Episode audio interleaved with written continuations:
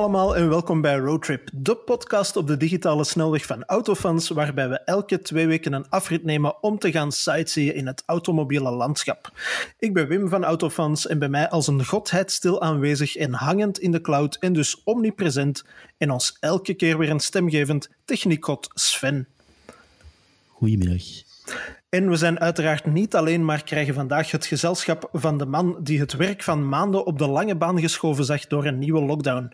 Hij is al jaren de drijvende kracht achter een van de belangrijkste autoverkiezingen in ons land, de VAB Gezinswagen van het jaar. Welkom, Gert Verhoeven.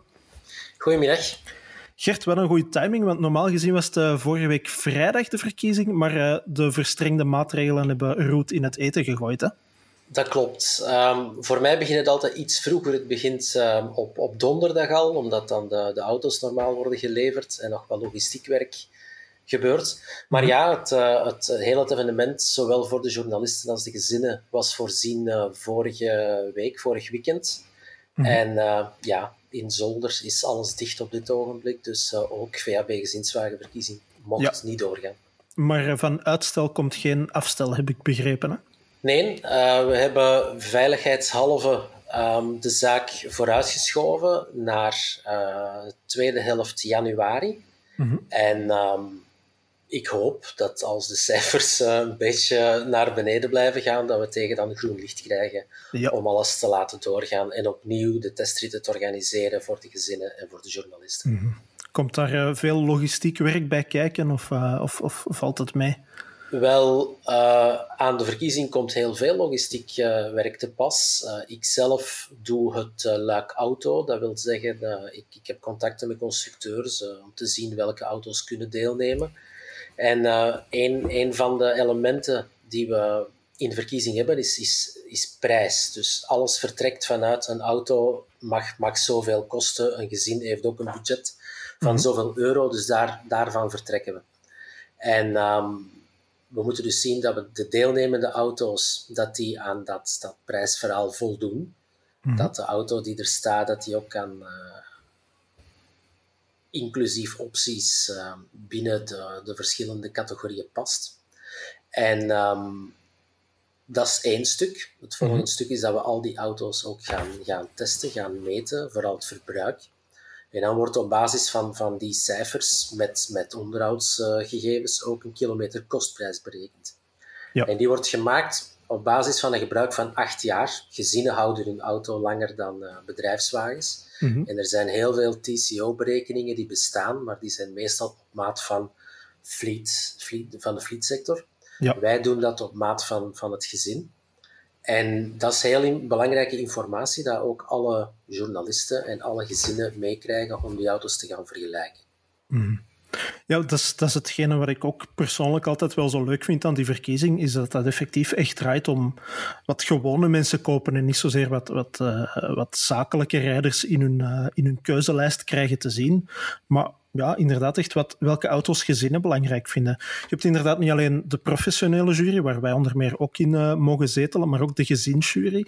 Um, hebben jullie de indruk dat die op andere zaken letten dan, dan waar wij naar kijken? Wel, het is eigenlijk elk jaar een cursus nederigheid om, om, te, om te zien hoe, hoe ver dat, uh, dat die werelden uit elkaar liggen. Uh, als ik vrijdag de journalisten zie langskomen, die, die, die hebben een focus op, die gaan een auto bekijken over ja, dat gaat over prestaties, dat gaat over, over uh, relevante informatie, maar ook over veiligheidssystemen en, en allee, heel high-spec uh, features die erop zitten en die gaan dat mm -hmm. bekijken. En als de gezinnen komen rijden, dan, dan krijg ik heel andere vragen dan, dan soms die syllabus die we maken, die, die evolueert ook door de jaren heen en daar staan ook dingen in die, die ons gevraagd worden, enerzijds door journalisten, maar ook door, door gezinnen. Maar ik mhm. herinner mij dat, um, dat ik regelmatig de vraag krijg van wat is nu het sleepvermogen van die auto? Want wij zijn een gezin en wij gaan met die auto op vakantie en wij willen een caravan uh, meenemen en ik vind niet hoeveel kilo dat die auto mag, mag trekken. Ja. En dat zijn zo van die dingen, als journalist um, zijn wij met dat soort praktische, eenvoudige dingen heel weinig bezig. En, en we gaan er in een technische fiche sowieso aan voorbij. Mhm. Maar er zijn, er zijn gezinnen die, die dan op zoek zijn naar die informatie. En, en ja, dat is altijd wel, wel leerrijk. En het is ook interessant als autojournalist om te ervaren waarop dat die gezinnen letten. Wat dat die komen vertellen. En dat is niet, meestal niet hoe snel dat hem door de bocht kan. Maar ja, dat, dat gaat over heel praktische zaken waar wij soms te weinig op letten of te weinig aandacht aan besteden. Mhm. Ja, ik weet niet of jij dat ook doet als je uh, tussendoor uh, testwagens meekrijgt om, om, om artikels over te schrijven, maar ik vind dat zelf ook altijd een, een hele frisse blik van mensen als zij ook eens naar een auto komen kijken en zeggen van goh ja, eigenlijk was mij dat nog niet opgevallen, maar ik vind dit wel Allee, hij zit bijvoorbeeld ruimer of de koffer is groter of ik vind dit praktisch of ik vind dit onpraktisch. Ik geef nu maar een heel stom voorbeeld, maar een armleuning vooraan. Dat zij zeggen van, god ja, eigenlijk, ik zit daar toch niet helemaal goed mee. En ja, ik vind dat altijd heel verfrissend om mensen zoiets op een totaal andere manier naar een auto te laten kijken. Dus, uh... Dat klopt. En een aantal probleempjes die we, die we elk jaar zien en ervaren, dat is bijvoorbeeld... Uh, bedieningsorganen die, die anders worden. Ik denk mhm. dan aan uh, meestal de PSA-auto's die, waar, waar bijvoorbeeld de bediening van, van de verwarming uh, in displays wordt verstopt. En, en Voor, ja, als je met je auto een week rijdt, dan, dan weet je wel waar je moet gaan zoeken. Mhm. Maar uiteindelijk, dat soort zaken zou om het uh, IT-gewijs plug-and-play moeten kunnen zijn en, en, en zou eigenlijk geen, geen echte uitleg vergen. Ja, Nee, inderdaad. Ja, zeker met die PSA-wagens. Ik heb daar ook altijd het gevoel bij, als je daar in dat, in dat scherm iets moet gaan opzoeken, je komt altijd in een ander menu, menu uit dan waar je begonnen bent. Hè. Ja. Uh, maar ja, zo die klimaatregeling, dat is ook een van mijn stokpaardjes van hoe vaak dat niet alleen bij PSA-producten, maar ook bij, bij andere merken, hoe vaak dat tegenwoordig achter een scherm wordt gestoken en, en, en en ja, dat je dat niet meer blindelings kunt bedienen. Is dat iets wat gezinnen ook belangrijk vinden? Of?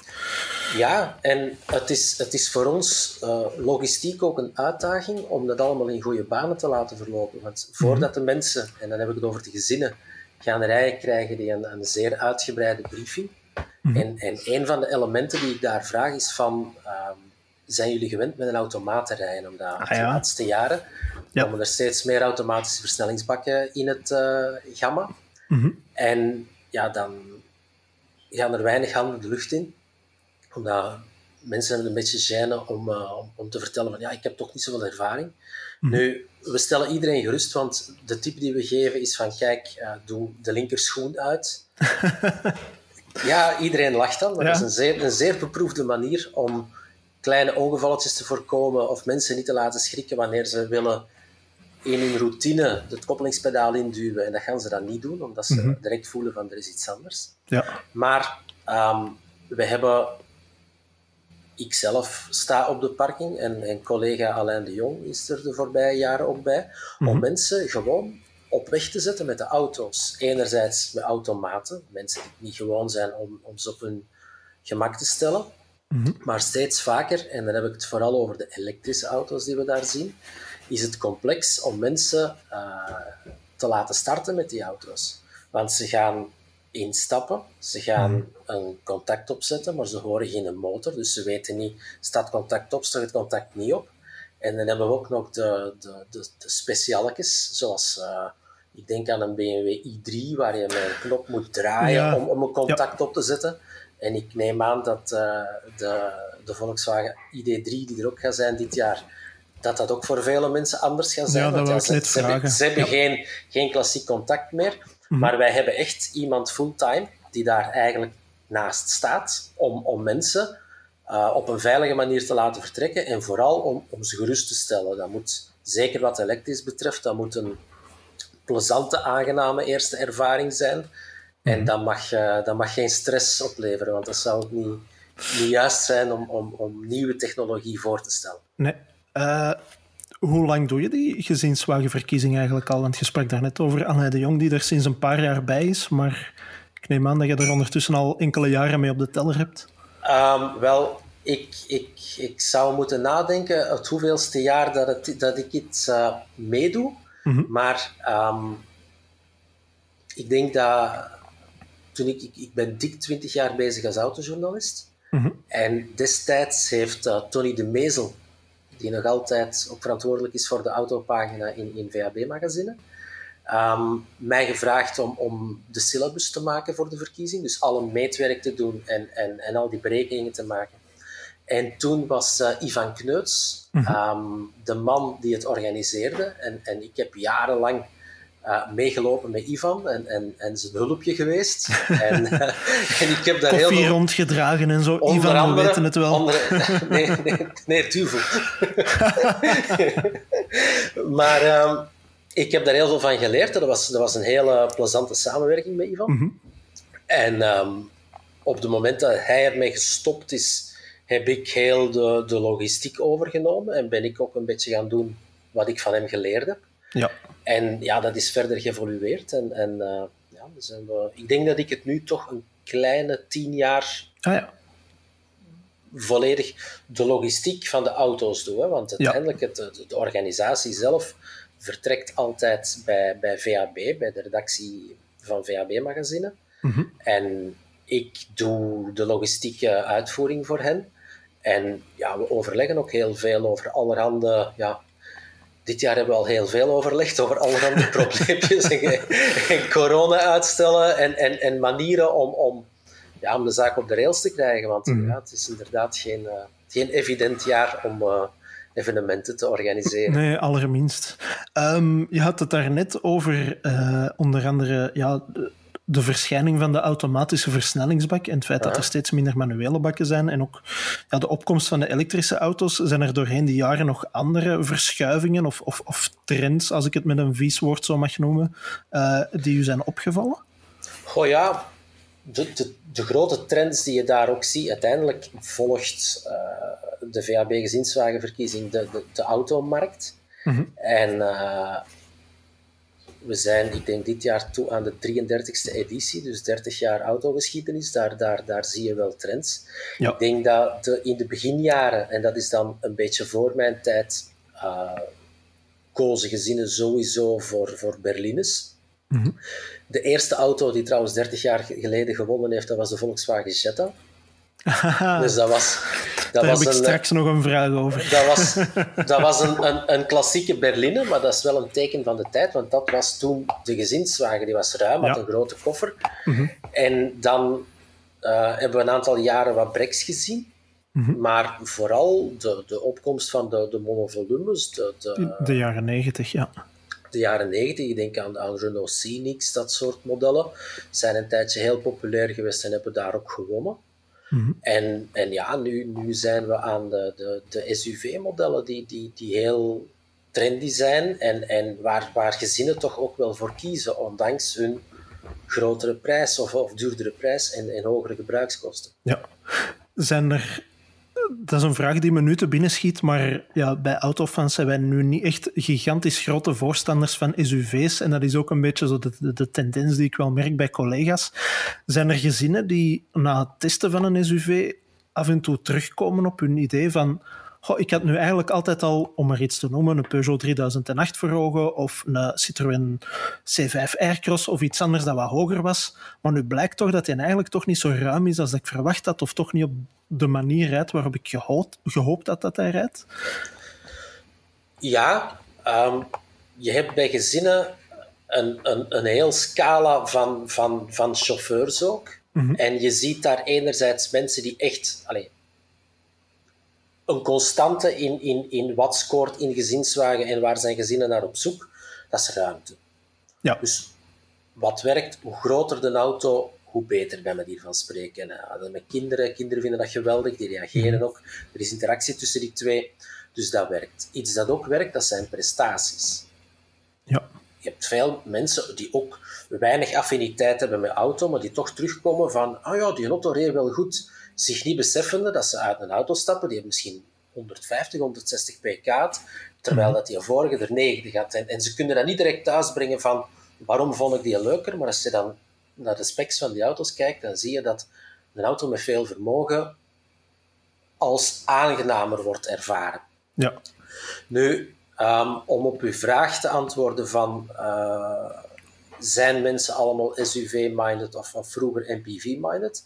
Er zijn erbij die, die sowieso uh, op zoek zijn naar ruimte en die rustiger gaan rijden en, en minder gaan ervaren dat een auto gaat overhellen en, en, en die daar blij mee zijn. Mhm. Maar er zijn ook elk jaar mensen die naar mij komen en zeggen van, goh, ja, uh, ik, ik vind zo'n SUV wel knap, maar ik heb nu met een paar breaks gereden.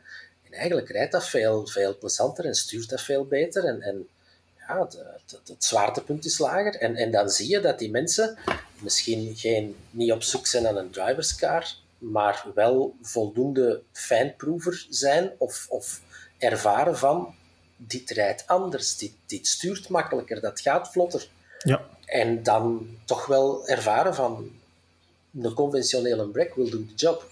Mm Ja, het was, het was misschien een beetje een tendentieuze vraag, maar, maar uh, ja, effectief vaak is een brek of, of, of, of een ander soort ruime auto interessanter dan de SUV die, ja, die, die mensen voor ogen hebben of, of die mensen wordt aangepraat of zo. Nu, wat mij uh, los daarvan helemaal ook opviel, ik ben daar straks even naar de winnaars van de afgelopen jaren gaan kijken. Um, een van de opmerkelijkste winnaars vond ik, dat was in 2015 en 2016, was SsangYong. Dat is ook een merk dat vaak ten onrechte uh, maar bij weinig mensen op de shortlist staat.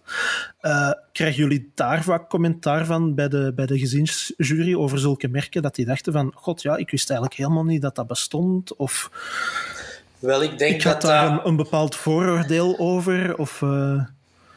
Dat is net het mooie van de verkiezing, dat je mensen kan laten kennismaken met een product dat ze, dat ze niet kennen of waar mm -hmm. ze sowieso aan zouden voorbij gaan of niet zouden opkomen om het op hun shortlist te zetten. Mm -hmm. En ik denk in het geval van de Sangyong Tivoli was dat, dacht ik dan? Dat was het Tivoli, inderdaad, ja. ja. Dat, dat, uh, ja dat, is, dat, was een nieuw product voor dat merk. En, en ja, ik denk ook voor dat merk dat dat een uitdaging was of een, een opportuniteit om daar te zijn. Want uiteindelijk, uh, ze bereiken daar heel veel mensen. En de echo's die ik achteraf heb gehoord, is dat een aantal mensen blijkbaar naar de showroom van Sangyong gingen en, en de Sangyong Tivoli niet konden uitspreken, maar de showroom binnengaan. We komen voor die gezinswagen. en allee, dat het in die richting toch ook werkt. Dus, um... En voor alle duidelijkheid, jullie houden daar dan geen percentage aan over. Die Tivoli die op uw oprit staat, dat is puur toeval. Uh, ik, ik alleszins niet. nee, maar inderdaad, vooral, het zijn vooral echt ja, de, de volumemerken, of echt de, de, de merken voor de grote massa die echt goed scoren. Hè. Citroën is zo'n een, een vaste waarde in de top 3. Renault, uh, ik denk dat Ford Focus enkele jaren geleden zelfs twee keer had gewonnen, dus in twee verschillende categorieën. Ja, qua winnaars zijn we wel pluralistisch. De Car of the Year. We, we, hebben geen Fiat die gewonnen is de laatste jaren, om u gerust te stellen.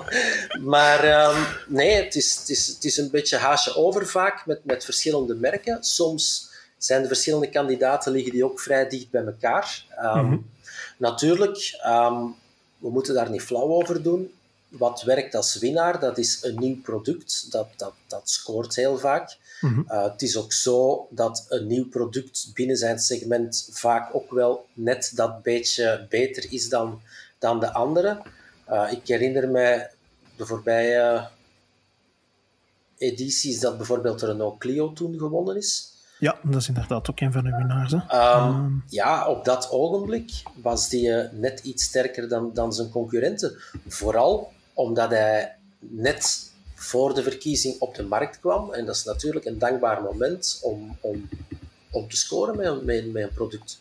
Ja, uh, heb je het ooit al eens voor gehad dat je het absoluut niet eens waard met een winnaar? Dat je dacht van, ja, nu staan die auto's in de top drie, maar eigenlijk hadden wij ook wel deze auto voorzien of, of in gedachten en hadden we verwacht van, die zou eigenlijk veel beter Goh, hebben moeten is, scoren dan verwacht? Ik, ik, ik ben uiteraard ook één, één stem in, uh, in de professionele jury. In de velen, ja. En, en omdat ik de, de metingen doe, zit ik met mijn neus op de cijfers en op de feiten. Dus mm -hmm. ik, ik ben misschien een beetje uh, bevooroordeeld, kan je niet zeggen, maar, maar ik leg mijn focus op, op, uh, op cijfers, verbruikscijfers en in dit geval kilometerkostprijs. Mm -hmm. En dan zie je toch vaak dat, um, dat er een behoorlijk verschil zit tussen um, de interessantste auto qua kilometerkostprijs en de auto die uiteindelijk wint. Ja. Ehm, ik herinner mij, uh, ik denk vorig jaar, toen de Citroën C5 Aircross won. Mhm. Dat is een, een, zeer verdienstelijke auto, die is groot, leuk vermogen, maar ja, dat is geen goedkope auto. Dat, is dat was toen, ik denk, de auto met, met een van de duurste kilometer kostprijzen. Mhm. En toch wint die auto. Dus op zich uh, is het aan de jury om met informatie die wij geven een keuze te maken. Maar het is soms uh, opvallend dat, dat dat niet noodzakelijk de meest rationele keuze is. Ja. Dat is trouwens een van de bedenkingen die we toen gemaakt hebben, is om een, om een kleine evolutie in, in het jurygedeelte door te voeren. En dat gaat, als we onze editie mogen laten doorgaan, dat gaat dit jaar voor het eerst gebruikt worden. Mhm. Tot nu toe woog de, de, de persjury, de journalisten wogen voor 40% van de stemmen. Mhm. De gezinnen wogen voor 60% van de stemmen. En dat was het evenwicht. En dit jaar boeten die alle twee 10% van de stemmen in. Mhm. En gaan we 20% van de stemmen laten bepalen door de kilometer kostprijs. Ah ja. Dus de goedkoopste gaat de, de beste ranking krijgen daar. En de Mhm. duurste gaat daar hè, een top 10 van eh, de verschillende kilometer kostprijzen. Ja. En we hopen om op die manier een beetje meer evenwicht te krijgen in, ehm, in, die, in die balans tussen het rationele, het, het leuke, het ruimte, om, om een iets ja, verfijndere mening te krijgen. Ja. Tweede bedenking waarom dat we dat gedaan hebben, is omdat elk jaar eh, worden auto's duurder. En vandaag met de emissienormen die steeds strenger worden, uh, gaat dat sneller dan de voorbije jaren. Mhm. En we hebben dus de, de, de prijs, de maximumprijs om een auto te laten deelnemen, hebben we opgetrokken. Maar natuurlijk, we doen dat om, om voldoende merken de kans te geven om te, laten, om te kunnen deelnemen. Ja. Langs de andere kant verplichten we niemand om, om, om een auto in te schrijven die op de maximumprijs zit. Mhm. En omdat we een kilometer kostprijs maken, gaat een duurdere auto misschien iets slechter scoren, omdat hij meer kapitaal moet afschrijven. Mhm. Langs de andere kant, uh, als die een auto duurder is omwille van uh, ecologische technologie, hij is duurder, maar hij heeft een hele zuinige motor, dan gaat hem dat, dat probleem uitvlakken, omdat hem dan het element verbruik, Ja. de prijs van de brandstof over acht jaar zodanig gaat halen dat hem dat gaat goed maken. Dus het, is, het is een mes dat snijdt langs twee kanten, maar we proberen daar zoveel mogelijk evenwicht in te krijgen. En door ja, onderhoudsprijs, door het gemeten verbruik daarin te steken, doen we dat op een zo eerlijk mogelijk manier. Ja. Zijn de gezinnen zich daar altijd van bewust van, van dat kostenplaatje op de lange termijn? Want jullie spreken dan bijvoorbeeld over acht jaar, maar ik heb persoonlijk vaak, dat is dus helemaal niet wetenschappelijk gestaafd of zo, maar ik heb vaak het gevoel dat mensen ook alleen maar naar de catalogusprijs kijken en dan eventueel nog naar de inruilwaarde van de vorige auto of, of welke kortingen die ze op dat moment nog kunnen, kunnen bedingen, maar ja, er komt inderdaad veel meer bij kijken. Hè. Onderhoud, um, ja, verzekering misschien onder andere ook, uh, de, de brandstofkosten enzovoort. Zijn de gezinnen zich daar volledig bewust van? Wel, ik denk dat daar een evolutie zit. Ik denk dat gezinnen daar... Allez, mensen kopen binnen hun budget. Kopen, mm -hmm. Ze hebben zoveel duizenden euro's voor een auto te kunnen kopen en ze gaan zien wat heb ik daarvoor. Maar langs de andere kant zie ik de mensen die komen rijden, die krijgen allemaal het syllabus, dikke boek met alle informatie over die auto in. Mm -hmm. En ik zeg ook tijdens de briefing dat ze die mogen gebruiken, aantekeningen nemen. Um, voor hun categorie krijgen ze ook vergelijkende tabellen, waarin dat de meest relevante informatie uh, naast elkaar wordt opgesteld. Dus ze kunnen onmiddellijk kijken van wat is de duurste, wat is de goedkoopste, welke verbruikt het meeste wat kost fiscaal het meest? Allee, dat ze echt een, een, keuze kunnen maken. Ja. En wat mij opvalt, dat is dat gezinnen dat boek veel meer verslijten en gebruiken dan de journalisten die komen. nu, de meeste journalisten zijn, zijn goed geïnformeerd en, en, Mhm. en hoeven niet alles nog eens te, te zien. Maar ik, ik zie dat, dat gezinnen daar enorm mee bezig zijn. Ja. Wat we proberen met, en dat is dan de, de, de langere termijnvisie die erachter zit, dat is, we gaan hoe langer hoe meer mensen moeten, moeten helpen in hun beslissing, niet zozeer qua uh, model en, en, en, en, emotionaliteit, maar, maar mensen op, op, op basis van bijvoorbeeld een kilometer kostprijs, bijvoorbeeld van een verbruikskost, duidelijk te maken van welke auto past bij mij. En dan heb ik het mhm. niet over het model of het type, maar wel over de brandstofkeuze. De brandstof en de aandrijving, ja. De, de meest complexe keuze is die iemand vandaag moet maken. Ja, ja want daar, daar wou ik inderdaad een beetje naartoe. Ik heb trouwens even voor de volledigheid de winnaars van uh, afgelopen jaar er even bijgenomen. Dus de gezinswagen 2020. In categorie 1 tot 20.000 euro was het de Renault Clio inderdaad tot uh, eh, 31.000 euro de Citroën C5 Aircross. En dan een derde categorie, dat is een aparte categorie bij jullie, elektrisch, dat was de Kia e-Niro. Um, daar wou ik ook een beetje naartoe, want jullie hebben uh, de categorie elektrisch uh, als een aparte categorie. Sinds wanneer is die ingevoerd? Wel, ik denk, we zijn daar, ik denk, negen jaar mee bezig nu. Mm -hmm. um, VAB was een van de eerste zo niet de eerste die, die in, in Vlaanderen daar iets mee, mee gedaan heeft met elektrische auto's. Mm Dat was ook een, een, een moeilijk verhaal, omdat um, we zijn begonnen met um, niet alleen elektrische auto's, maar ook uh, plug-in hybrides en, en elektrische auto's met range extender. Ja. En daar is in de beginjaren vaak kritiek op gekomen, omdat, omdat we zogezegd appelen met peren vergeleken. Langs de andere kant hebben we steeds proberen aan te bieden wat, wat op de markt voorradig was. Mhm. En het belangrijkste was om, om alweer mensen kennis te leren maken, te laten maken met wat bestaat er. De plug-in hybride, een volledig elektrisch, een auto met een range extender. Ja. En mensen die ermee komen rijden, die hebben naast de veiligheidsbriefing, waar ik daar straks al iets over gezegd heb, mhm. die, die krijgen ook nog een, een, een, briefing waarin dat eigenlijk wordt, wordt verteld, ik vertel dat, um, wat de verschillende technologieën zijn, wat de voordelen zijn, wat de nadelen zijn, dat mensen echt wel weten in wat soort auto dat ze stappen en, en wat het voordeel is van een oplaadbare hybride of, of een, eh, een volledige elektrische, dat ze echt wel weten waar ze mee, mee bezig zijn. En de eerste jaren, ik denk dat daar nog een, de Chevrolet Volt. Ik wou net zeggen, dat zal de, de Ampera E-tijd zijn, zeker? Wel, of, of, uh, Opel ja, de Chevrolet, Volt. Ja. Maar we hadden daar ook uh, de Mitsubishi Imiev, dat heel ah, kleine modelletje, met zijn zusjes bij uh, Peugeot. De, en, de en Ion en de C0. Ja. ja. En dan kwam de eerste Nissan Leaf. Mm -hmm. um, en dan i3 waarschijnlijk, BMW i3, i3 is dat ook niet van die periode? Golf. Ja, wel, ja. ja dat, dat, was allemaal in de beginjaren. Wat eigenlijk als een rode draad doorheen heel die elektrische categorie loopt, dat is dat de voorbije, ik denk zes jaar, dat ondanks de aanwezigheid van plug-in hybrides, mm -hmm. uh, eigenlijk altijd een full electric gewonnen heeft.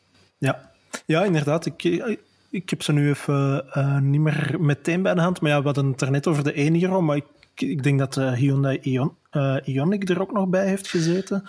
Ioniq heeft uh, gewonnen. Zoe, als ik me niet vergis. De Zoe heeft gewonnen, de Leaf heeft gewonnen. Ik denk de, de e-Golf heeft een keer gewonnen. Ja. Maar het, het, allee, gezinnen mm -hmm. zien blijkbaar meer heil in full electrics dan in plug-in hybrids. Plug hybrids. Ja. Wat voor een stuk ook begrijpelijk is, omdat het, het, het fiscale voordeel dat, dat een PHEV als, als bedrijfswagen kan hebben, veel minder speelt op de particuliere markt bij gezinnen. Dus uh, op zich is dat niet abnormaal. Nee. Hoe lang denk je die categorie elektrisch nog volledig apart te kunnen houden van de rest van, uh, van de verkiezingsdeelnemers? Dat is een, um, een moeilijke vraag. Mm -hmm. het, uh, dat is geen geheim, maar dat is een, een, een, oefening die we eigenlijk al, al een paar jaar aan het maken zijn. Um, om de elektrische auto's op, op eigen benen te laten staan. En dan bedoel ik niet in een aparte categorie, maar tussen, tussen de andere concurrenten. Maar het probleem is dat we bij, u hebt net de, de prijzen genoemd. We zitten vandaag bij de categorie 1 op 22.000. We zitten bij de grote auto's, gezinswagens, op 34.000. Ja. Daar komen een paar elektrische modellen in de buurt van die 34.000. Maar het probleem is dan dat we met, allee, dat we dat ze misschien niet helemaal vergelijkbaar zijn qua grootte en qua Ah, ruimte en zo. Ik ga een voorbeeld geven. Neem de Peugeot eh, 208, de Mhm. elektrische versie. Dan zit je aan benaan dat plafond, want Ja. die zit rond 233.000. Ja, gemakkelijk dacht ik. 33 inderdaad. Ja. Dat is dan een versie zonder opties. Mhm. Ehm, dat is ook een probleem, omdat in de gouden jaren van de, de autosector dan kocht elk merk by default een auto voor de VAB gezinswagenverkiezing die op maat was van de verkiezing, tot net onder de prijs. Vandaag zijn er gelukkig nog een aantal merken die dat, die dat echt doen, die, die een auto samenstellen, kopen, inschrijven voor net onder die prijslimiet te blijven. Ja.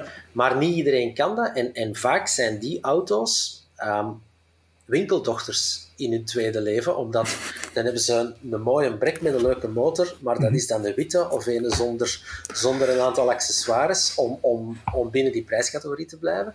En als we elektrische auto's in die categorieën moeten gaan steken, dan, dan zitten we met het probleem dat constructeurs daar niet de gepaste auto voor hebben ja. op dit ogenblik.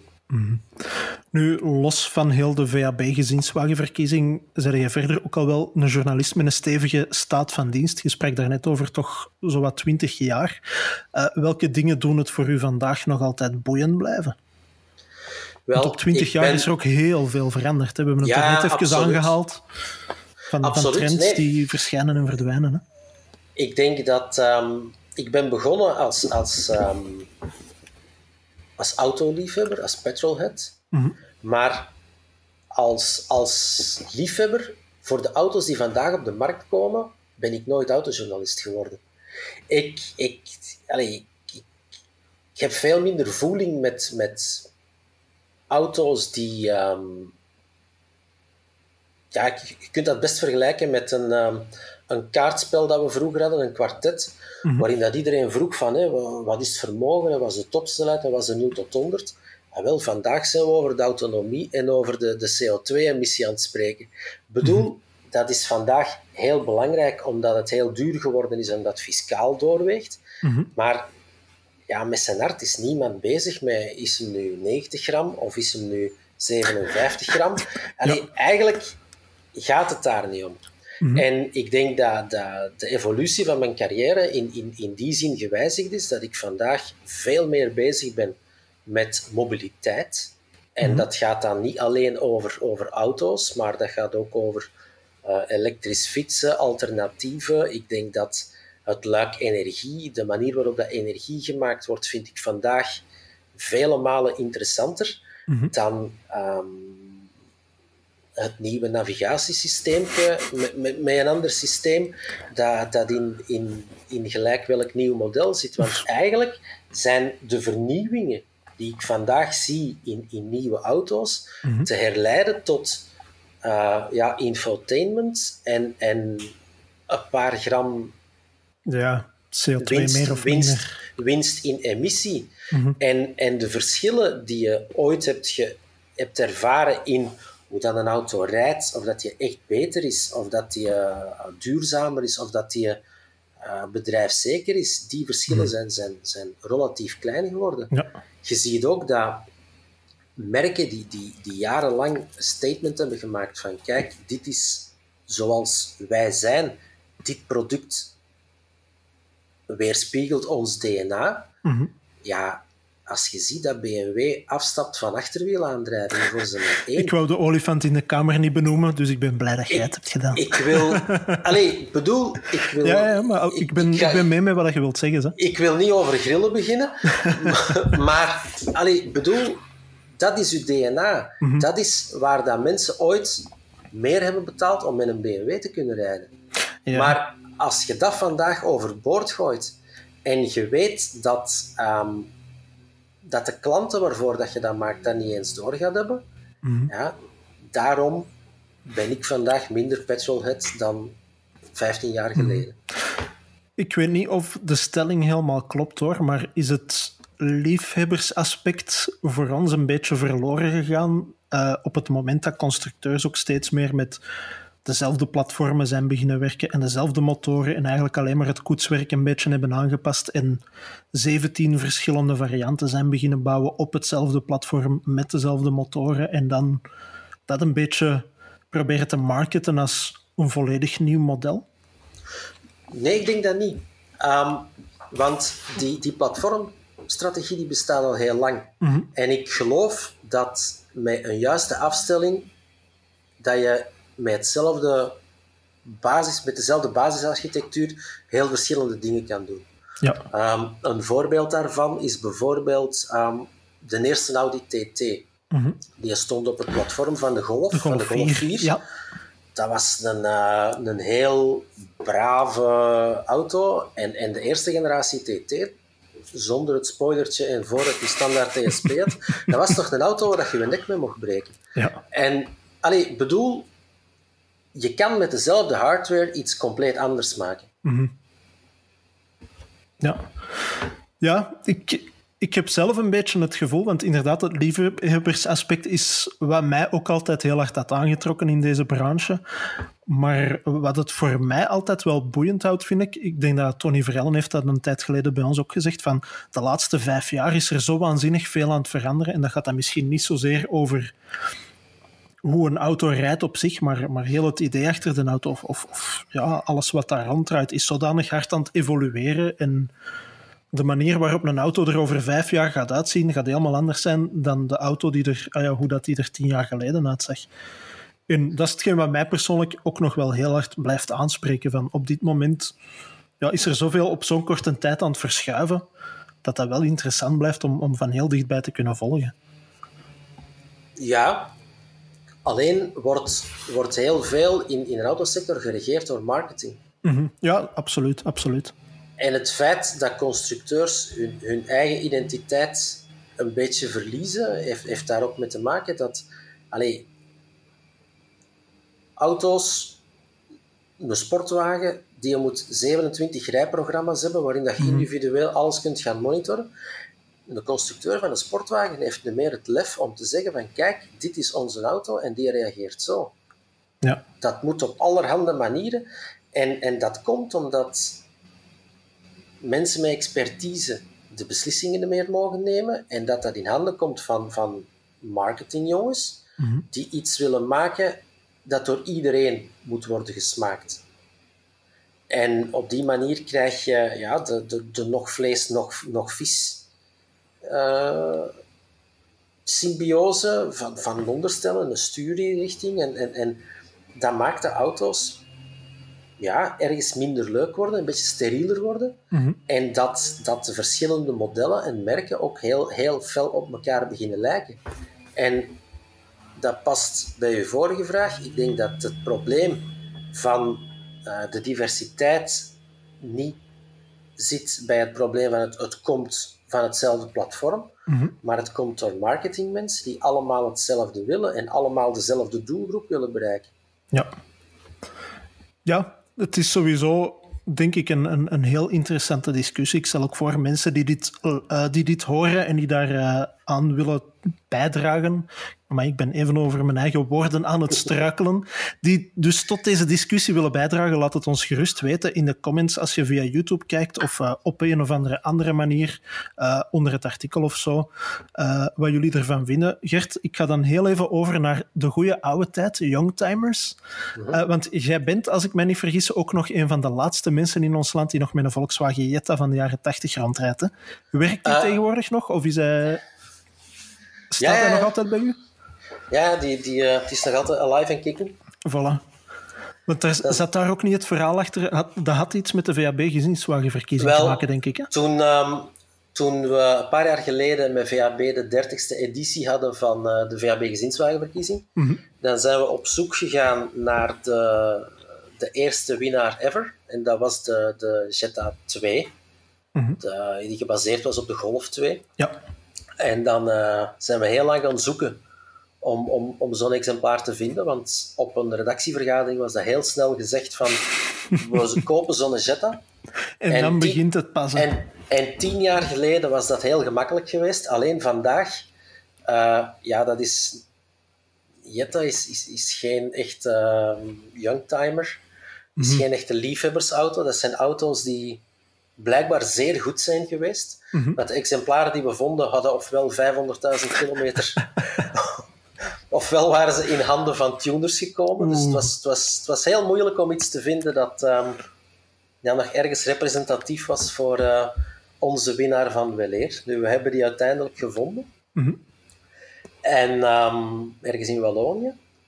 Mm -hmm. En ja, we hebben die auto toen ingeschreven. Daar hebben een aantal journalisten toen ook mee kunnen rijden naar aanleiding van, van die verkiezing. Ja. Maar uh, ja, die auto die start, die rijdt. En ik gebruik die af en toe om, uh, om de perswagen mee te gaan halen. Buiten de lage emissiezones, neem ik aan. Buiten de lage emissiezones, ja. ja. Wat staat er verder nog in de garage? Als ik zo frank mag zijn om dat te vragen. Uh, ik, ik rij zelf met een, um, een brek. Mm -hmm. Een brek diesel. Een, een Mercedes C-klasse. Ah ja, ja. Niet, uh, niet de allernieuwste, verre van. Was dat, niet, was dat geen rode? Een rode, ah, wel. Ja. Wel, wellicht een van de, een van de weinige rode uh, Brex in België. Maar, uh... Ja, wel, ik heb mij laten vertellen dat hij ook oorspronkelijk uit Duitsland komt. Hè, maar ja, je mocht mij corrigeren. En wel, dat is echt het dat land van de, van de rode premium auto's, hè, Duitsland. Dat is echt... Uh... Uh, ja, dat, dat is een kleur die bij ons nooit wordt gekozen, maar die dat je daar echt overal tegenkomt. In België was dat, was dat niet evident om, om te vinden, dus uh, vandaar. Voilà. Uh, en als ik mij niet vergis, zei je ook een beetje een, een Porsche-man, hè? Ja, dat klopt. Um, maar dat is dan wat, wat, wat oudere dingen betreft. Mm -hmm. De watergekoelde dingen. Nee, de luchtgekoelde dingen, excuseer. Ik ben, ik ben vroeger begonnen met watergekoelde dingen, Aha. met uh, de 924. Mm -hmm. En daar heb ik heel goede herinneringen aan. Ja. Dat is eigenlijk een, uh, een heel moderne auto gezien zijn leeftijd mm -hmm. toen. Die betaalbaar was, die relatief zuinig was. Ja ook zijn probleempjes had. Maar... wel, dat was de richting waar ik eigenlijk naartoe wou. Want um, ja, het is in deze podcast ook al een paar keer ter sprake gekomen, maar een groot deel van de autoliefhebberij is vooral ook zo ja, in, in zoekertjes snuisteren. Misschien eens gaan kijken naar een auto en dan ja, vaak uiteindelijk om een of andere reden toch niet toehappen en er achteraf dik spijt van hebben. En ik heb dat bijvoorbeeld gehad met een Porsche 924. Um, in 2016, als ik mij niet vergis, ben ik eens naar een gaan kijken. Ze vroegen daar toen 7000 euro voor. Daar stonden 100 27 of 137.000 kilometer op en dat was van een derde eigenaar. De geschiedenis was een beetje vloe. Uh, ze was niet volledig op papier aantoonbaar, maar er was wel zowel veel preventief aan gebeurd. Uh, hij was ook al eens binnengestoken bij Porsche Classic en nagekeken en mechanisch was hij ondertussen volledig in orde. En uiteindelijk heb ik toch niet toegehapt en ik heb me altijd afgevraagd van heb ik daar toch iets laten schieten? Die voorwaarden, die, dat soort auto. Uh, hij had wel het gebarste dashboard, wat blijkbaar heel typisch is voor een Porsche 924. Ik denk dat ze dat allemaal hebben. Voilà. Hij had geen Targa-dak, want dat schijnt ook regelmatig te lekken. Um, de batterij, er was toen ook iets mee, denk ik, dat die ook nog eens wou doorroesten. Of, uh, of onder, onder, de, onder de batterij. Ah, wel, ja, inderdaad. Dat was ook allemaal aangepakt. Ja, voilà, ja. dat dat inderdaad wat aanvreten. Maar die ja. dingen waren dus allemaal aangepakt en ze vroegen daar 7000 euro voor. En ik ben daar toen ene keer heel even mee gaan rijden en dan heb ik gezegd van ik wil binnenkort wel eens terugkomen met iemand die daar meer kennis van heeft dan ik. Maar uiteindelijk ja, is er een ander uh, financieel probleem op mijn weg gekomen en heb ik dat dus nooit kunnen doen. Maar Gert, heb ik daar iets laten schieten of ben ik daar toch aan iets ontsnapt, denk je? Je hebt zeker niks laten schieten, omdat Oef. de, zoek, dus de zoektocht is mooier dan het bezit. Aha, voilà. En um, naar, uh, hoe meer auto's dat je gaat kijken, hoe meer dat je leert. En, mm -hmm. en van, allee, als je naar zo'n liefhebbersauto op zoek bent, dan moet er naar een stuk of zes, zeven gaan kijken. En bij elke auto steekt je wel iets op en kunt je vergelijken of gaat een keer rijden en voelde van, oh, maar die heeft dat niet. Of er bestaan toch versies die dat niet hebben of die dat probleem niet hebben. Mm -hmm. Dus door, door ervaring, en, en, en daar hoeft je geen, geen techneut voor te zijn, maar gewoon door te gaan kijken steekt je veel op. En, en en weet je wat je moet laten staan en, en wat, wat, wat op, op een bepaald ogenblik een, een, een beter aanbod lijkt. Ja. Nu, ja, je haalt eraan van uh, het aantal eigenaars en, en, en de geschiedenis was vloe. Mm Als je over een auto van 30 jaar spreekt, of, of zelfs ouder, Dan is dat misschien wel van belang. wat, wat kan je dan nog weten eigenlijk? Ja. Ik denk dat je op een bepaald moment moet oordelen op de staat van de auto zoals zij er staat, zoals Mhm. zij is. Ehm, belangrijk is als er recent een aantal dingen aan gebeurd zijn, eh, mechanisch of, of, of qua carrosserie, dat daar ja, misschien een paar facturen bij horen, of dat je echt kunt zeggen, of wat foto's bij horen, dat je echt kunt, kunt zien van oké, dat is gebeurd of dat is niet gebeurd. Mhm. En, en op basis daarvan kan je iets leren, maar eigenlijk een kilometerstand van een auto die 30 jaar oud is, heeft hij nog dezelfde motor, heeft hij nog dezelfde versnellingsbak, hoe is daarmee gereden? Eigenlijk is dat niet belangrijk in het, in het, in het totaalplaatsje van die auto. Mhm. Heb jij zo'n voorbeelden van, van zoektochten die je zelf hebt ondernomen en toch niet eh over gegaan tot de catch? Waar dat je achteraf van dacht van, tju, misschien had ik dat toch moeten doen of, of misschien ben ik daar toch aan iets ontsnapt? Goh, ik ben, ik ben latent op zoek naar een, naar een aantal auto's die, die nog op mijn shortlist staan. En, en Zoals? eh, zoals eh een Saab 900 Turbo, Aha. Ehm, de Golf 1 GTI, die heb ik ooit gehad, maar die is eh, mee opgebrand in de, in de brand. Ehm, ja, er zijn nog wel een aantal dingen die, die, die als ze mijn pad kruisen, mijn, mijn aandacht. eh Ja. de 924 komt er misschien ooit ook wel. Mhm. Misschien als, als rationeel alternatief voor, voor die Golf 1 GTI. Want ik denk dat je vandaag Ik wou net Voor- zeggen, ik vrees dat dat momentum van een, van een Golf 1 GTI al even gepasseerd is. Hè? Ja, je weet niet wat corona nog gaat doen. Hè? Nee, dat is waar. Dat is waar. Maar eh, ja, ik denk dat, dat eh, er zijn heel veel mogelijkheden, maar je moet je, moet je, eh, je focus breed zetten. En, en als je vastpint op één ding, dan, dan mis je ook heel veel. Dus, Mhm. eh, Ja, ik heb, ik heb mezelf ook al wel eens betrapt op het zoeken naar een Saab 900. En ik weet niet of dat, dat iets is waarvan ik denk, daar moet ik mee voortgaan, of daar blijf ik misschien toch maar beter van weg. Goh. Want de- ik denk mechanisch gezien dat er al iets voor gevorderd is. Dat is een heel mooie manier om te zeggen, Wim begint daar gewoon niet aan. Jong, want, eh, ja, nee, maar je moet, je moet ooit, ooit een keer springen en, en, Ja, dat en, dat durven te doen. En, en aldoende leert je ook. En, en mhm. why not? Alright.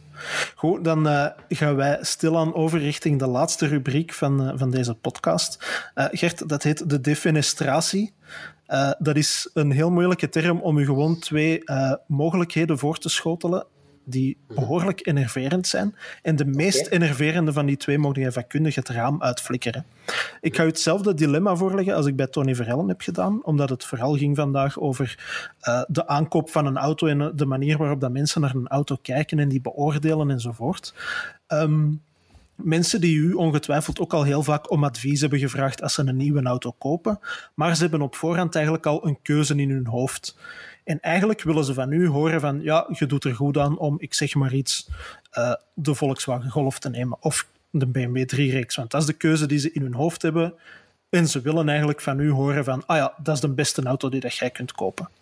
Dat is dus de eerste mild enerverende mogelijkheid.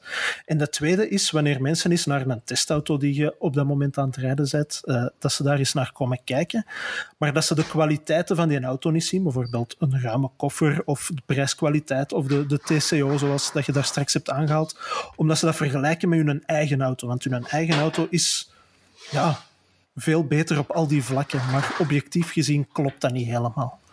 Dus welke van die twee zaken enerveert u het meest? De mensen die hun keuze willen bevestigd horen of de mensen die met oogkleppen naar een auto kijken? Ik denk, ik denk dat de, de eerste categorie de ergste zijn. Mhm. Want de tweede, die hebben ergens een, een- die gebruiken hun eigen referentie Ja, om toch naar een auto te kijken. Ja. En dat is trouwens iets dat ik op de VAB gezinswagenverkiezing elk jaar voor heb, van mensen die bij elke auto komen vertellen waarom dat die beter of slechter is dan hun eigen auto. Mhm. Maar Ik vind dat geen probleem, omdat wij als autojournalist zijn wat dat betreft enorm verwend, omdat wij kunnen de golf plaatsen naast een Astra Ja. en een Focus, omdat we met al die dingen rijden. Maar de meeste mensen die rijden 7, 8 jaar met, met, met één auto en dat is hun referentie. En op basis daarvan vertrekken die van, ah ja, maar dat is anders of gelijk wat. Dus ik vind dat op zich heel verstandig. En Ja. In zekere zin zijn die veel open-minded, meer open-minded dan, dan je zou denken. Ja. Dus wat u betreft mag de keuzebevestiging, dus de mensen die gewoon willen horen van de auto die dat jij in gedachten hebt, is de perfecte auto, dat mag van uw vakkundige het raam uit. Absoluut. Alright. Kijk goed, Gert, dan zijn wij aan het einde gekomen van deze aflevering van Roadtrip. Ik wil alleen nog even checken, eh, kunnen mensen zich nog kandidaat stellen voor de gezinsjury? Eh, mochten de verkiezingen doorgaan in januari? Ehm, dat is een, een zeer goede vraag. Ehm, de mensen die hadden ingeschreven om deel te nemen ehm, het voorbije weekend, die zijn gecontacteerd. En ja, die, die zijn er uiteraard niet geraakt. Nu, ik, eh, mijn collega Stijn van, van de redactie, die eh, voldoet die opvolging. Dus ik neem aan dat de mensen die initieel zijn ingeschreven geweest, dat die opnieuw gecontacteerd gaan worden. Ja. Maar iets in mij zegt dat ehm, als we nog mensen nodig hebben voor eh, januari, Mhm. dat er misschien op de website van VAB wel opnieuw een oproep zal komen om, om in te schrijven. Ik, Ja. ik heb vandaag nog geen zicht op hoe dat, dat gaat lopen, Mhm. maar wie die website, sorry, als de concurrent af en toe in de gaten houdt, kan Dat- dat, misschien nog wel eh. Dat noemen wij collegiale journal... nee, Voilà. journalistieke collegialiteit. Dat was het. Zoiets. Ik raak vandaag echt niet uit mijn woorden om een of andere reden. Nu, alleszins dus eh, de website van VAB goed in de gaten houden, mochten er mensen zijn die dit horen en die interesse hebben om zich kandidaat te stellen. Gert, waanzinnig hard bedankt voor de tijd die je voor ons vandaag wou vrijmaken. En iedereen die geluisterd heeft of via YouTube gekeken heeft, ook, ook zei, het lukte echt niet vandaag om een of andere reden. Ik weet niet hoe het komt. Dus iedereen alleszins bedankt. Dat is misschien gewoon de korte samenvatting. En tot over twee weken. Tot ziens. Bedankt. Dag.